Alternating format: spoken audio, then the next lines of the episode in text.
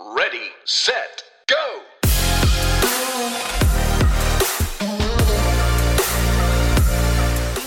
Hjertelig velkommen til prestasjonsprat med Eirik og Melina. Tema er VO2 Max. Hva defineres VO2 Max som? Ja, det er jo et begrep mange av dere helt sikkert har hørt. Alt fra på sportssendinger til at dere kanskje har lest om det. Men VO2 max handler da om kroppens maksimale evne til å ta opp og utnytte oksygen. Så vi sier ofte at det er den høyeste raten der kroppen kan ta opp, transportere og bruke oksygen ved maksimalt anstrengende arbeid. Det er da definisjonen. Og Det fins flere varianter av den definisjonen, men det er noe der omkring.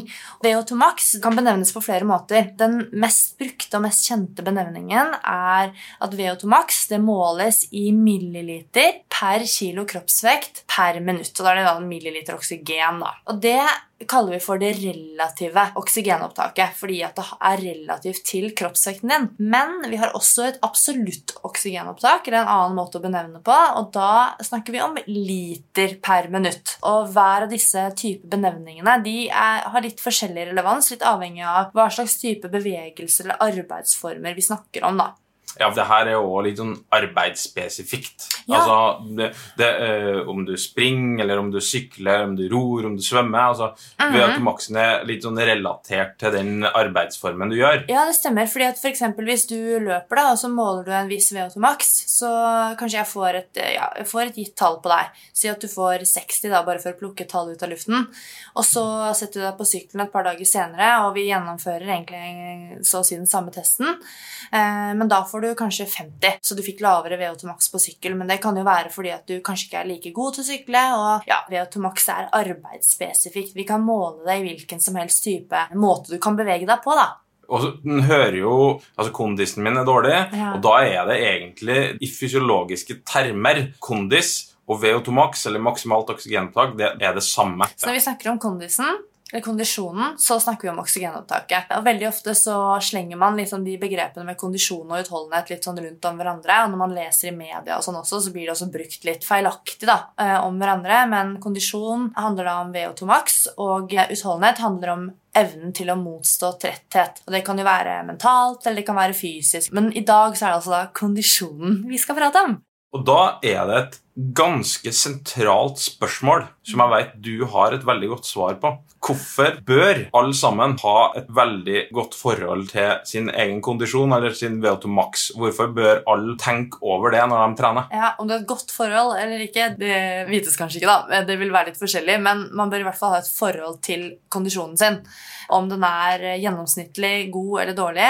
Og det er fordi at VO2 max det er den kraftigste predikatoren for levetid, eller hvis du snur på det, for dødelighet. Etter at man har korrigert for mange av disse faktorene som kan være med på å påvirke hvor lenge vi lever, som antall år med røyking, kjønn, alder, blodfettprofil og en hel masse andre faktorer, så står faktisk VO2 max, altså kondisjonen din igjen, som rett og slett den sterkeste predikatoren som kommer til å si noe om hvordan det kommer til å gå med oss. Ja, Så det du da sier, er at det å ha en høy kondisjon eller et høyt maksimalt oksygenopptak, det er fordelaktig hvis Ja. du har tenkt å leve lenger. Ja, Det er ikke noe at man ofte kaller VO2 max for den hellige gral innenfor det som har med hjerte- og lungehelse å gjøre.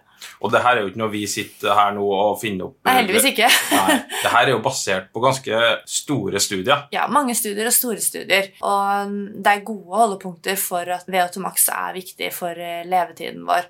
Og VO2 max har jo mye med kroppens yteevne å gjøre.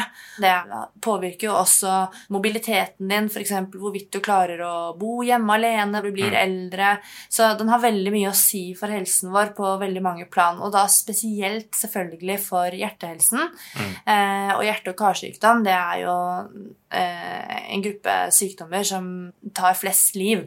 Nå ble det veldig sånn morbid prat her, men, men det, er jo, det er jo faktabasert. Ja, det, Eh. og, nå- og helse er en al alvorlig greie. Ja, vi trenger ikke strø sukker på dette her. Nei da, poenget her altså, Du begynner jo her å snakke om hjerte hjertet, og vi- senere så skal vi jo komme inn på hvilken grad hjertet har å si med kondisen vår. Ja. Men det er vel også sånn at i USA så har de vel nå endra litt hvordan de egentlig Hvordan man ser på det. ja, Mm. American Heart Association, som er en sånn veldig toneangivende organisasjon i forhold til hvordan man skal forholde seg til altså hva er forskjellige guidelines når det gjelder eh, det å ta vare på pasienter og følge opp pasienter eh, når det gjelder hjerte og kar. Da. Og American Heart Association har jo kommet ut med et statement som bl.a. omtaler det at eh, de mener at det er veldig viktig at fastleger og leger blir mye flinkere til å gjøre belastningstester som har med hjerte og lunger å gjøre, på pasientene sine. Og når jeg har vært på forskjellige medisinske og fysiologikonferanser på sykehus eh, her i Norge bl.a., på NTNU og på St. Olavs eh, og eh, LHL-sykehus bl.a., så snakker jo både hjerte- og lungelegene og eh, fysiologene som jobber der, de er veldig, veldig pro testing av VO2 max på eh, mennesker som er tilsynelatende friske, for å få et bilde på rett og slett eh, helsen. Da har vi fått et eh, kjapt innblikk i hvorfor kondisjon, VO2 max, er viktig for ikke bare hvis du skal ta VM og OL-gull, for det er veldig få som kan ta, men også for hele eh, befolkningen. Ja. Da tror jeg vi skal over på neste spalte i, i podkasten vår, som vi har kalt Fysiologitimen. Det er jo litt naturlig i og med at vi begge er fysiologer. Og det vi skal prøve i dette segmentet, er å gi en litt sånn fysiologisk forklaring på det store temaet vi snakker om. Også vi kommer til å komme igjen episode etter episode når vi snakker om fysiologi, at det veldig mye er knytta opp mot gener og vårt DNA.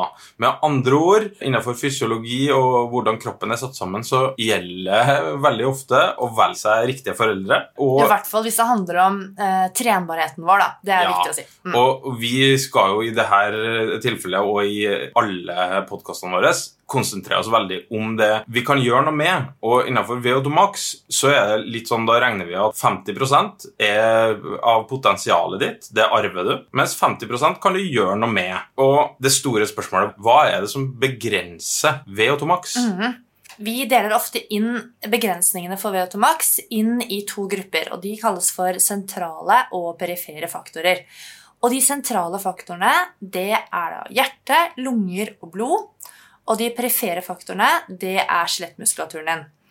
Og når det gjelder de sentrale faktorene, så er det faktisk sånn at du kan jo påvirke noen av de ved trening, og så er det kanskje noe vi, der hvor kunnskapen er nå, da, så vet vi ikke om det kan påvirkes så mye med trening.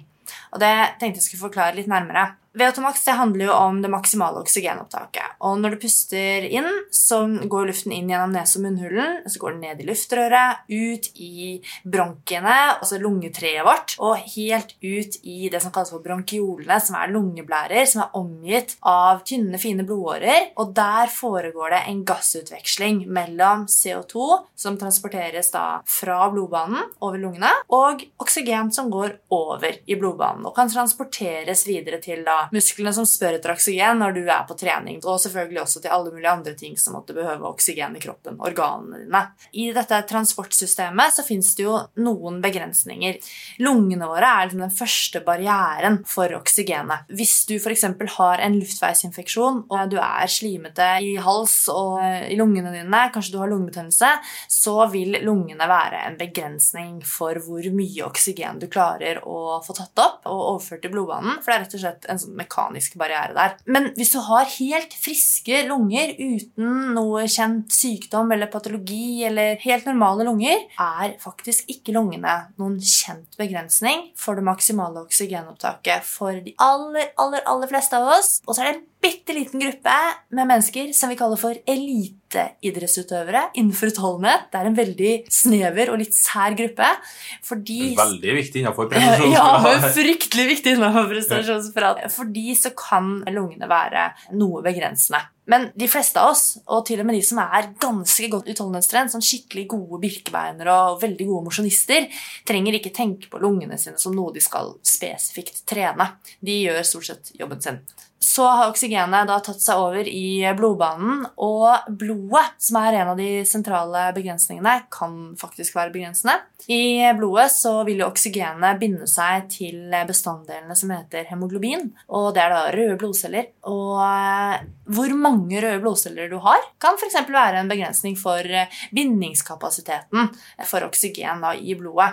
Og dette hemoglobinet det har også sånne jernbindinger i seg som oksygenet da binder seg til. Så et praktisk eksempel er hvis du har lav jernstatus, så kan det være ikke det beste nyhetene for, eh, for oksygentransporten. Så det å ha f.eks. normal jernstatus, det er eh, et tiltak som eh, man bør sørge for. da. Ja, Det er bare å gå til fastlegen og ta en blodprøve, f.eks. Og når du trener, så kan du få både flere røde blodceller, og blodvolumet ditt kan øke. Og begge de to tingene der, med røde blodceller og blodvolum vil være med på å påvirke kondisjonen din direkte. For det har med hvor mye oksygen du får pumpet rundt i kroppen, og det har også med hjertets pumpekapasitet å gjøre.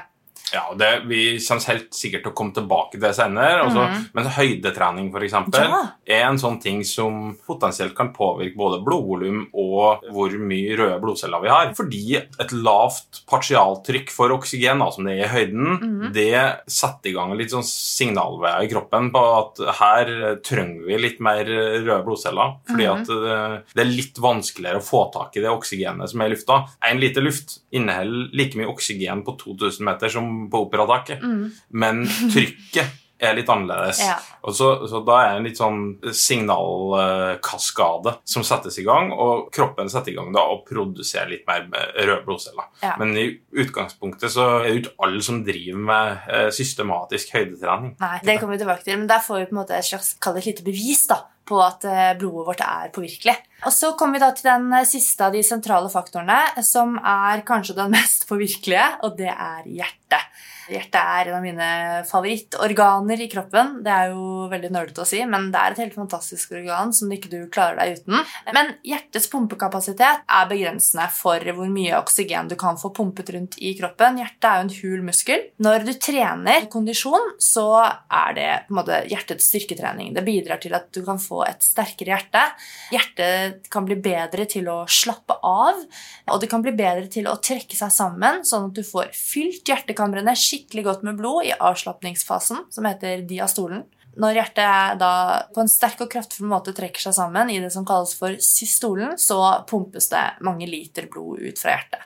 Og hvor mange liter blod som pumpes ut, det er jo da avhengig av denne hjertemuskelkontraksjonen, hvor kraftig hjertet kan trekke seg sammen. Så det kan du påvirke da ved trening. Fordi når hjertets kamre fylles maksimalt med blod, annet, så får hjertet et sånt mekanisk drag. Hjertemusklene blir satt på litt strekk. Og det er annet stimuli til at eh, hjertemuskulaturen skal bli litt sterkere. Akkurat som når du trener f.eks. biceps curl, da, så får du et mekanisk drag i bicepsmuskulaturen, og så stimulerer den til guns. ja, ikke sant? ja. Der husker jeg jo tilbake ganske mange år nå, da når vi satt på skolebenken på idrettshøyskolen og hadde om akkurat det her. Ja. Så husker jeg på litt sånn take home message som vi fikk da, var at altså, egentlig kan du gjøre noen, noen ting med uh, nå, bortsett fra hjertet. Og da spesielt da det som ble kalt slagvolumet. Ja, slagvolumet. Som er da hvor mye blod hjertet kan pumpe ut på ett slag. Mm, en sammentrekning. Ja, og Det lærte vi var veldig viktig. Eller da minuttvolumet, hvor mye det kan pumpe, maksimalt pumpe ut i løpet av ett minutt. Mm. Og da må du jo bare gange opp det med hjertefrekvensen din, ja. som kanskje folk har et mer Altså maksimal uh, hjertefrekvens. Ja, eh, hjertefrekvens er pulsen, da. Ja. Mm. Og da kan du få da det såkalte minuttvolumet, som er veldig avgjørende for eh, kondisen, for kondisen da, mm. ved automaksen din. Ja. Så det, når vi trener kondisjon, så er vi ute etter å øke da slagvolumet, eller også minuttvolumet. Det er noe av det vi er ute etter. Det er rett og slett styrketrening for hjertet. Men så er det jo faktisk sånn, da. Ok, da har du mm, friske lunger som, eh, som tar imot eh, Hvor du drar ned oksygen. Det skjer en diffusjon, gassutveksling med CO2 og O2. Du får mettet blodet ditt med oksygen, som da blir transportert rundt i kroppen, og så blir de da sendt til de stedene som spør etter oksygen. Og det er jo da skjelettmusklene dine, som er da den ene perifere, den eneste perifere faktoren som er begrensende for VO2 max. Men det er ikke sånn at skjelettmuskulaturen nødvendigvis er i stand til å ta imot alt oksygen den blir tilbudt. Fordi inni musklene dine så må det være flere forhold eh, til stede i forhold til å kunne mest mulig optimalt da, ta imot mest mulig oksygen. I tillegg så må det være et eh, relativt godt nettverk av det som vi kaller for blodkapillærer, altså de tynneste, fineste blodårene som da avleverer oksygen og andre næringsstoffer, og kan også ta med seg avfallsstoffer fra muskulaturen. Når du trener kondisjon og utholdenhet, så kan du få flere av disse kapillærene. Det er akkurat som at du får flere bensinslanger på en måte, som kan gi bensin eller næring da, til, eh, til muskulaturen. Det er litt sånn at blodet på et vis Når du får muskulatur som krever blod, så finner blodet Veier, ikke sant? veier Det lages nye Ja. kapillærer ved en mekanisme som kalles sprouting. Det vokser ut nye blodårer. Og, eh, så de blodårene, de kapillærene, de omgir da hver eneste muskelfiber. Og de kan du da som sagt få flere av. Og da har du flere muligheter for å avlevere oksygen. Og så inni selve muskelfiberen, og muskelfiberen består da av muskelceller, og inni muskelcellene så fins det noen bestanddeler som kalles for organeller. Og organellene de fins det mange forskjellige varianter av. Noen har som oppgave å rydde opp inni cellene, noen har som oppgave å produsere energi. Og de energiproduserende organellene de er kjempeviktige når du skal for løpe fort eller ja, bli bedre trent. rett Og slett. Og de kalles for mitokondrier. Og det er som cellens kraftstasjoner. Der foregår energiproduksjonen, rett og slett. Ja, og da, det er jo litt sånn at det fabrikkene her, eh, kraftfabrikkene eh, Mm, som du Mitokondriene. mitokondriene, de er avhengig av oksygen for å produsere litt energi. Men for å produsere masse energi, Mm. så er de avhengig av oksygen. Altså, Ja. Vi skal gå veldig detaljert inn på uh, den Ja, biten det er der. Men, ganske detaljert, tror jeg. ja, uh, men hvis det er oksygen tilgjengelig, som de vil ha hvis det er masse kapillærer og kraftstasjoner og you name it, så vil de klare å produsere ganske mye mer energi Mm. av f.eks. sukker enn de vil klare hvis du ikke har nok oksygen der. Da blir Ja. du stiv. Altså Du begynner å danne melkesyre.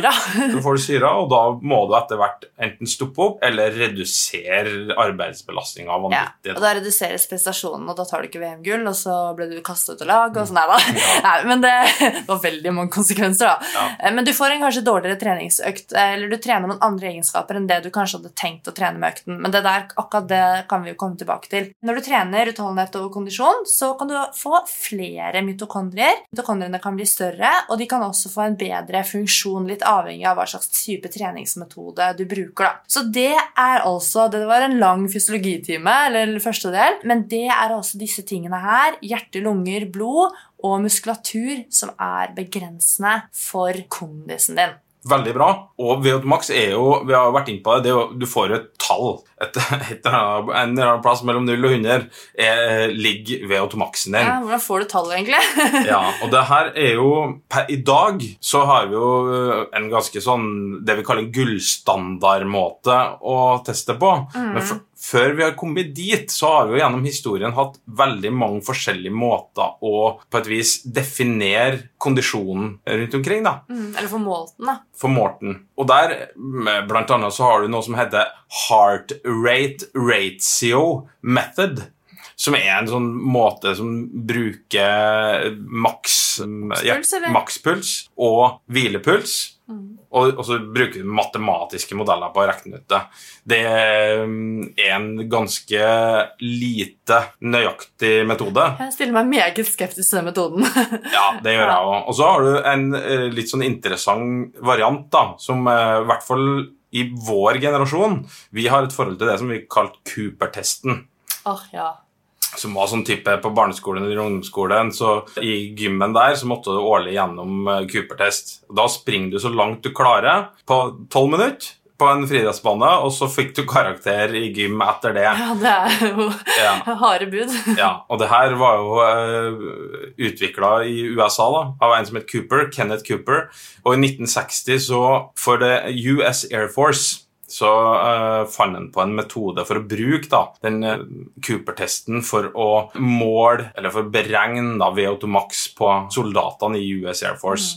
Som mye da- billigere da, og mye kjappere når du har masse soldater du skal dra gjennom testing. Så skjønner jeg at han Ja. gjorde noe sånt. Og det, er jo, en- det, er det her også er en sånn matematisk modell. Du kan prøve å få lagt den ut. Og, så folk kan, det er en ganske enkel måte. Altså, det er jo tolv minutter du springer, og så kan du ta den distansen du da springer, og så er det en matematisk Ja. modell, og så kan, får du du kan egentlig få slippe å regne, for hvis du googler Cooper-test og tables eller results, så kommer det opp masse tabeller. Og jeg tror eksempel at du må være Hvis du løper over tre kilometer, da er du liksom i da er du veldig bra, da. Da er du elite, liksom. Da er du kjempegodt trent. Hvis du springer 12 km, på, Nei, nei, 12 kilometer. 3 kilometer. ja, da er du 50. Ja, 50 i VO2 max. Ja. Ja. Ok, det, Jeg kan ikke de tabellene der, men da, basert på hvor langt du springer, da, så får du en kategori om du er Hard poor eh, liksom fitness eller elite fitness. Hvis Ja. du springer mer enn tre, så er du elite fitness. Ja.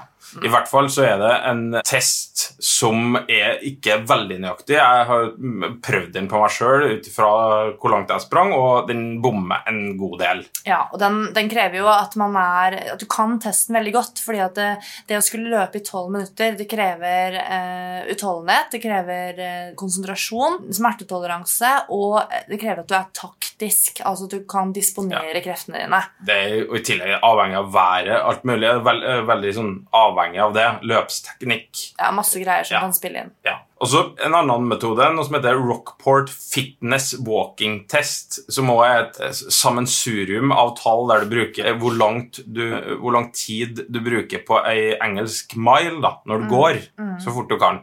Om du er mann eller kvinne, legge inn som et parameter, du legger inn vekta di, etc., etc.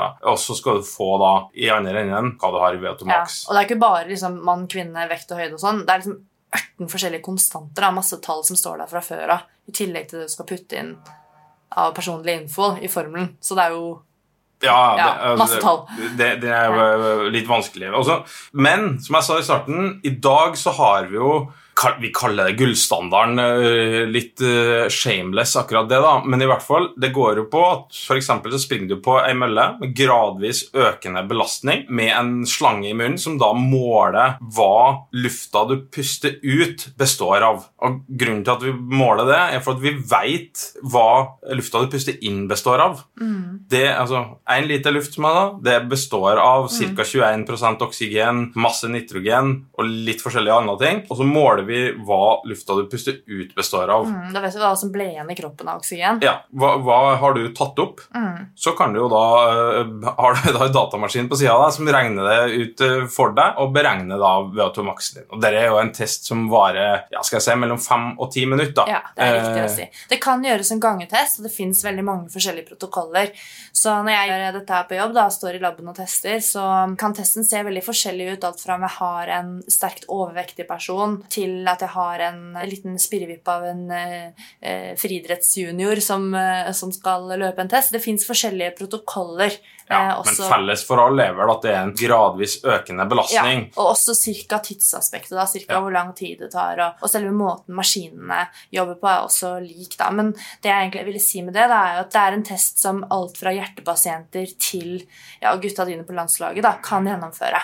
Ja, definitivt. Og Grunnen til at jeg ikke prøver å ikke ha for langt, er jo at da blir motivasjon en faktor. altså Du kan bli for sliten, rett og slett? Du kan rett og slett bli for sliten, og det er derfor at det er såpass kort som mellom fem og ti minutter. Mm.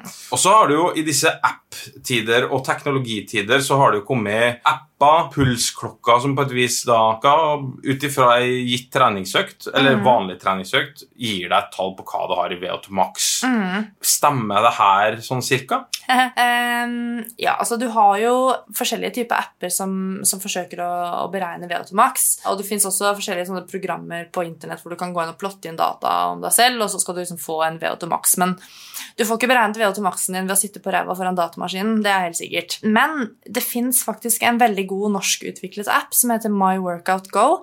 Som er utviklet av annet, Dere har kanskje hørt om 4x4-intervallene. Altså 4x4-intervallenes ene far, Jan Hoff. Han er da en av de som står bak 4x4-studiene sammen med Helgerud. Og eh, Hoff og eh, også noen andre samarbeidspartnere har da utviklet My Workout Go, som er en app som eh, baserer seg på data fra massevis av mennesker i Norges befolkning. Og da er det gjort store kartlegginger kartleggingsarbeider, bl.a. av en veldig dyktig fysiolog som heter Elisabeth Edvardsen. Og også så er det gjort eh, en del kartleggingsarbeid med helseundersøkelsene i Nord-Trøndelag, som er eh, store, kjente studier. Og man har målt VO2max på alle mulige eh, aldersgrupper og menn og kvinner. Og basert på alle de dataene så kan man lage noen matematiske formler for å beregne hva din VO2max er, basert på arbeidsbelastningen din på en økt. Så da når du bruker appen, så er den basert på da at du gjennomfører fire ganger fire. Og fire minutter det er et veldig sånn VO2max-avhengig eh, arbeid. Ja. Type, det tidsdomenet er veldig avhengig av VO2max.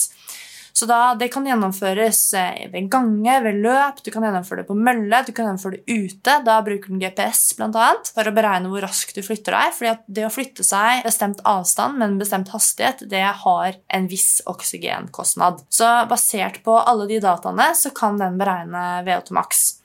Og jeg har testet denne her på meg selv ved å gjennomføre 4 ganger 4 på mølle. Og jeg har jo vært i laben en del ganger og testet VO2 max med gullstandarden også. Og det jeg kan avsløre, i hvert fall fra min erfaring med den appen, var at uh, den bommet med én milliliter. Og det er innenfor måleusikkerheten på dette da fancy gullstandardutstyret vårt, som er veldig veldig sensitivt. Så det, det traff veldig bra. Så det er jo et verktøy som er veldig billig, og det er utvikles nå til å bli et klinisk verktøy for leger, fysioterapeuter, eh, personlige trenere og deg som er interessert i å teste VO2-maksen din og tracke kondisen din da, uten å gå i en lab. Mm, så bra. Mm. Du, jeg, jeg, har jo ei pulsklokke på handa, og, og, den gir meg jo et tall. Jeg prøvde å liksom uh, lese meg litt opp på hvor nøyaktig det er. De påstår at det er 95% accuracy på det her. Uh, accuracy heter det. Ja. ja. I hvert fall det bommer litt mer til meg. Det bommer jo, masse til meg. ja, det er jo i hvert fall da på bakgrunn av løpshastigheten din. Men som ja. jeg var inne på i stad, altså løp i seg sjøl, og spesielt, spesielt flatt løping, setter veldig stort krav til teknikken din. Mm. Eh, sånn at Det er kanskje derfor at det bommer litt mye. altså Det skjærer ja. alle over en kam, ja. eh, og det stemmer ikke helt. da Spesielt på, på Jeg har vært borti bare én eller to personer, tror jeg, eh, hvor den har stemt overens den eh, VO2 Maxen som blir oppgitt i en pulsklokke. Og, ja, det... Men det er jo helt sikkert eh, teknologi som kommer til å bli bedre. Ja. Det er jo ingen som helst tvil om. Nå mm, har det jo kommet nesten på alle sammen. altså Håndleddsmålere med puls og som, som mm. også blir mer og mer nøyaktig. så mm. det er helt Foreløpig er de ganske unøyaktige, men det er tidlige dager da, og ny, masse ny teknologi som kommer til å komme ja. for å hjelpe oss å trene bedre og tracke helsen vår, rett og slett. Helt sikkert. Vi har jo på et vis etablert noe viktigheten av VO2 max. Mm. Det har vi snakka litt om. Hvis en skal trene mot det å få høyere VO2 max Bedre kondis? Ja, bedre mm. kondis. Så er det jo litt sånn at det som er kanskje mest da brukt i, i det henseende, er jo det å trene intervaller. Det å ja. ta i. Mm. Og det er litt sånn for meg er det jo Jeg bruker å kalle det 'bang for your buck'. Ja. Altså litt eh, Det er effektivt. Altså Ett minutt intervall påvirker VO2-maksen din mer enn ett minutt rolig. Så du, du, du får vel, eh, valuta for pengene, da. Ja, si det, sånn, det. Det er sånn tidsklemmetrening. Ja, Men så er det noen ganger sånn at også rolig trening faktisk påvirker VO2-maksen din. Mm. Det er jo ingen som helst tvil om at det gjør, men det krever at du bruker litt mer tid. Ikke bare litt mer tid, du må bruke kjempemasse mer tid for å få den ja. samme effekten som du kunne fått ved å trene litt kortere, men ta i mer, da. Ja, mm. og da er det jo Hvis jeg skal relatere det til puls, da, så er jo det intervaller som ligger opp mot 90 av uh, sin maksimale puls, da, mm. som er å anbefale hvis du skal gjøre det ganske effektivt. Ja, der får du kjempegod effekt på For dere som er kjent med Olympiatoppens intensitetssoner, så er det f.eks. sone 4. Rundt sånn 85-90% av makspuls. Der får du den beste effekten du kan få, sannsynligvis, uh, og i ganske mange år fremover, uh, på VO2-maksen din. da. Ja, og du, du, du nevnte jo i stad det med fire ganger fire, som, mm -hmm. som var veldig vinden, og som er veldig vinden, som er veldig enkelt å forholde seg til. Ja. Relativt kort økt med korte nok drag til at motivasjonen på et vis nødvendigvis ikke daler så mye. Mm. Lett å gjennomføre det. Som har vist seg å være veldig effektiv økt i ja. henseende og påvirke VO2-maksen din positivt. Og den har jo fungert for alt fra hjertepasienten til Marit Bjørgen. Ingen som helst tvil om at det funker. Mm. Hvis du skal påvirke din VO2-maks eller kapasiteten eller kondisjonen din, hva er den økta du da tyr til? Jeg har jo det jeg kaller for en standardøkt, eller en kontrolløkt. Eh, Det er en økt som jeg kjører eh, jevnlig hele året. Enten i de bratte bakkene oppe ved Villeløpa der vi bor, som er Sjalenbakke, eller jeg gjør den på tredemølle. Og det er fem ganger fem minutter i motbakke med to minutter pause. Så det er litt lengre drag og ett drag ekstra da, kontra fire ganger fire. Men det gir meg en sånn effektiv intervalltid på 25 minutter. Og grunnen til at jeg bruker den eh, i motbakke på mølle, er fordi at ja, Du nevnte vær og vind i sted. Det, gir meg veldig god kontroll, veldig ærlig svar på hvordan er den fysiske formen nå. I tillegg til at jeg kjører det ikke som en test, jeg kjører det som en treningsøkt. Så målet mitt er jo å klare å ligge på eh, høyere hastighet, men da fortsatt 90% av makspuls. Liksom, da vet jeg at da har jeg, får jeg på en måte målt på treningsøkta at jeg har blitt i bedre form. Det er en veldig sånn go-to for mange skiløpere, tror jeg, den fem ganger fem-økta. Ja, det, det, Spesielt på mosjonistnivå, så tror jeg Ja. nok det. Det er lite volum i forhold til elitenivå, men, Ja. men uh, Det er nok motion... den som går igjen mest. Jeg har jo masse andre økter også. Det kan være seks ganger seks, og det kan være fem ganger sju, og liksom sånne ting. Men, men go-to-økta mi, den som går flest ganger igjen i treningsdagboka, det er nok den fem ganger fem. Ja, til meg også. eh, nå, du har jo motbakke. Jeg blir jo fortsatt sliten i motbakke. Ja, jeg blir sliten, jeg òg, da. Så Jeg jeg, jeg tyrer jo ofte til f.eks. baneintervaller. 1000 meter på Ja, du liker det. Det er 1500 meter på bane, sånne ting syns jeg er helt eh, topp. eh, som tallnerd, eh, som da eh, driver og regner hvilken tid jeg ligger an til på hver 100 meter, så det det er helt superøkt. Altså, Å løpe baneutvalg med Eirik det er liksom eh, helt topp, fordi at eh, han er den perfekte hare. Han har stålkontroll på den tida eh, og rundetider, så jeg kan bare ligge i ryggen og kose meg der. Av og til løper jeg forbi, og det kan betale seg dyrt, men eh, ja. Det skal koste å komme forbi meg. ja, det skal visst. ja. Men det finnes også Nå har vi jo liksom snakket om de intervallene som varer litt, grann, da, som har litt varighet, men det finnes også sprintintervaller. Mm. Og sprintintervaller er intervaller som er rundt sånn 10-20 sekunder. Og sprintintervaller de kan også øke VO2 max, men de gir ikke så heftig stor belastning på hjertet. Fordi at varigheten er såpass kort at arbeidet er, ikke er så oksygenavhengig. Altså det er mer anaerobt. Så det er litt mer syra, som vi nevnte her i sted. Det som sprintintervallet kan gjøre for VO2-maksen, ser det ut til Dette er noe som det trengs mye mer forskning på, det er viktig å skyte inn. Men det er at det kan forbedre mitokondriefunksjonen. Altså at du får mer effektive kraftverk for da å skape energi. Ja. Mm. Så det er gode argumenter for å rett og slett trene med variasjon. da, Og variere mellom å trene litt lengre drag, rundt sånn 3-5 minutter i varighet, og trene litt kortere drag og kanskje legge inn litt sprintintervall. ja, det er jo veldig interessant. Altså, er Kjempespennende.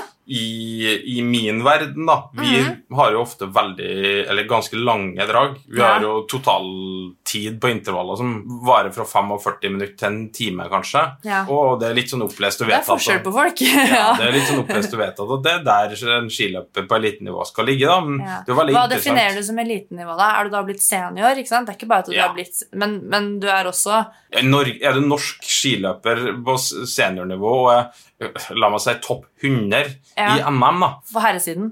Eh, Ja, altså men nå på damesida så, så er du en veldig god skiløper og Ja, har og mest sannsynlig veldig høy VO2 maks. Ja. Og, men gjengs der er jo stort sett at det gjøres veldig mye volum på, på intervallene. Altså Ja. fra 40 minutter til en time, som man sier. Men det er jo interessant tankeeksperiment. Og, og når vi nå begynner å se at også sprintintervaller, måter å gjennomføre intervaller på, mm. også har veldig positive effekter på andre deler innenfor utholdenhet. da. Ja, det er veldig spennende. Og det, det er jo kanskje der man kan, kanskje man kan hente ut noen marginer, da.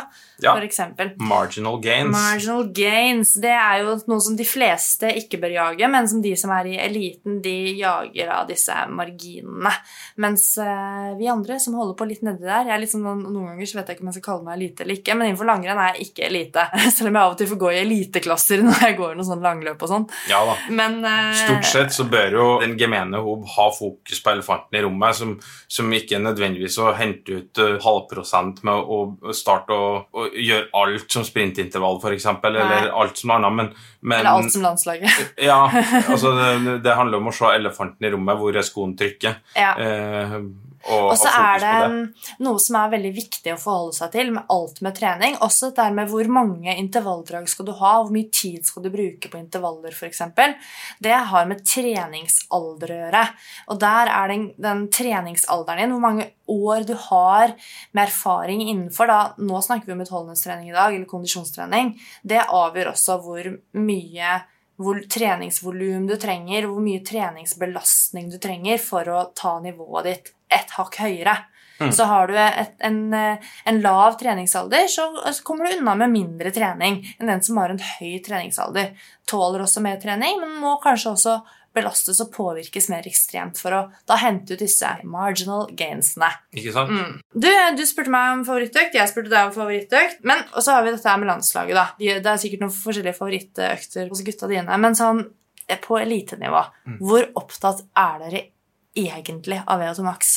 Det er et sånt tosidig svar på det, egentlig. For på et vis så er vi ekstremt opptatt av VO2 Max. Fordi at kondisjon, den biten der, er utrolig utslagsgivende for oss. Har vi ikke god nok kondisjon, så kan vi bare glemme. Alt det eh, andre. alt det andre.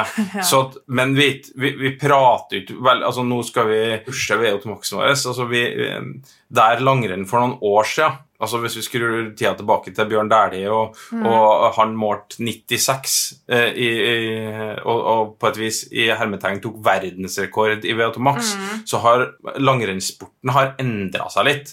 Som det er fortsatt ekstremt viktig å ha høy VO2 Max, Mm. men jeg tror ikke at det er like viktig i dag å, å pushe over 90. Nei. Det er andre ting der kanskje hurtighet, taktikk, sånne ting Det er flere puslespillbiter. ja, det har blitt flere puslespillbiter i dere altså Prestasjonspuslespillet har blitt større. Mm. Og kanskje da der VO2 Max-puslespillbiten har blitt en litt mindre brikke i totalen. Så det, det er det jeg mener med at det er tosidig svar. Altså, vi er ekstremt opptatt av å ha god Den kondisjon økter, ja, ikke sant? og kjøre mye økter som selvfølgelig påvirker kondisjonen vår i stor, stor grad. Mm. Og det her er jo gutter som trener vanvittig mye, så du, du må opp i et visst volum for å påvirke det her. Mm. Men, men vi prater ikke så mye om det.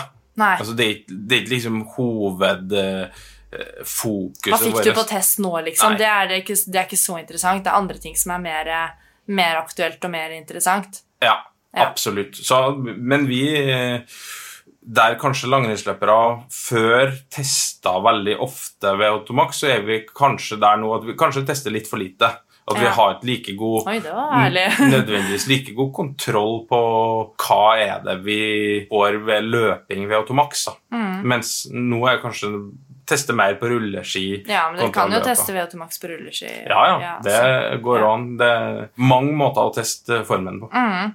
Men altså, når man driver med vektbærende idrett, da, bærende treningsformer, det er sånn som løping, eh, langrenn Det er bevegelsesformer hvor du letter fra jordkloden og lander på jordkloden. Og så har du andre bevegelsesformer, sånn som padling, roing f.eks., hvor du da er mer sånn du er festa til bakken.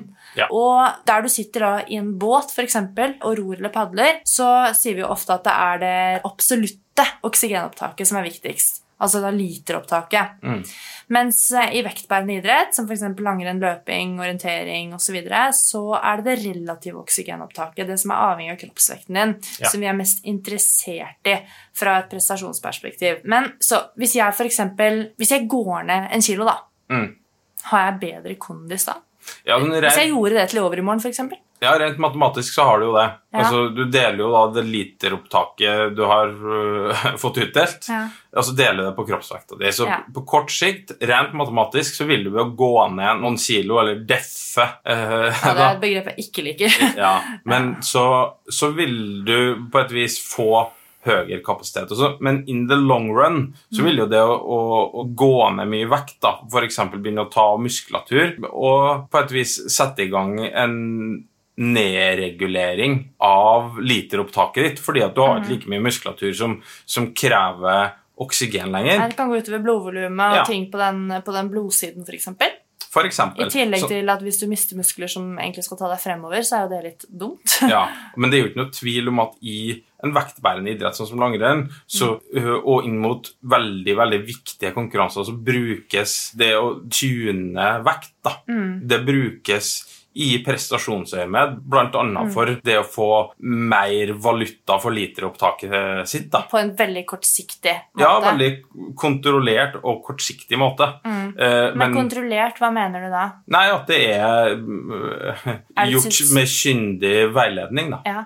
Men da har jeg litt lyst til at du skal definere også hva er det som er disse veldig veldig viktige konkurransene. Er det liksom Norgescup? Er det Birken? Er det Nei, altså det her gjøres jo mot for VM og OL, for eksempel, ja. de aller, aller viktigste konkurransene. Altså, det er ikke noe tvil om at vi vil på et vis slite gjennom en sesong, eller veldig mange vil slite gjennom en hel sesong hvis du går i, i fire Og driver og jojoer opp og ned sånn? Ja, Ja. så det her gjøres i et veldig sånn spissa perspektiv Mm. inn mot noen få av det de viktigste konkurransene. da. Gjør alle det? Nei, absolutt ikke. Nei. Det, og Det er min erfaring også fra andre idretter, at Ja. det er uh, veldig individavhengig, egentlig. For enkelte så er det der fryktelig fryktelig krevende, og det kan virke kontraproduktivt. Altså, du får ikke fokus nok på det du skal gjøre av trening. da. Mm. For at det er andre ting som stjeler så mye fokus. Mens for andre så er, kommer det her ganske naturlig.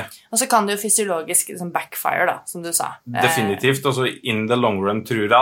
Ja. Hvis du tenker at nå skal jeg ned masse i vekt fordi at jeg skal få så mye mer O-ton, liksom. valuta for literopptaket mitt, Mm. eh, så vil, vil du få kortsiktig benefit av det, Mm. men in the long run så vil kroppen egentlig bare da regulere ned Ja. literopptaket ditt, fordi at du har, du har mindre muskulatur som krever oksygen. Ja, kjempedumt, da. Ja, det er Ja. dumt uh, in the long run. Ja. Dessuten så er det jo ikke en treningseffekt. Det er viktig å påpeke. da. Hvis jeg for da gikk ned en kilo til over i morgen og målte en høyere VO2 max, er det ikke fordi at de har fått flere kapillærer og sterkere hjerte. og Det er jo ikke en treningseffekt. Nei, definitivt Det syns ikke. jeg i er veldig viktig å, å påpeke. Um, ja, jeg tror at vi skal begynne å oppsummere litt, Erik. Vi må det. Ja. Er du fornøyd med din egen kondisjon, Melina? Oi! Eh, ikke akkurat nå. Nå har jeg målt en sånn Det er ikke så lenge siden jeg var i laben og si, lånte kroppen min ut til vitenskapen. Og da målte jeg en all time low.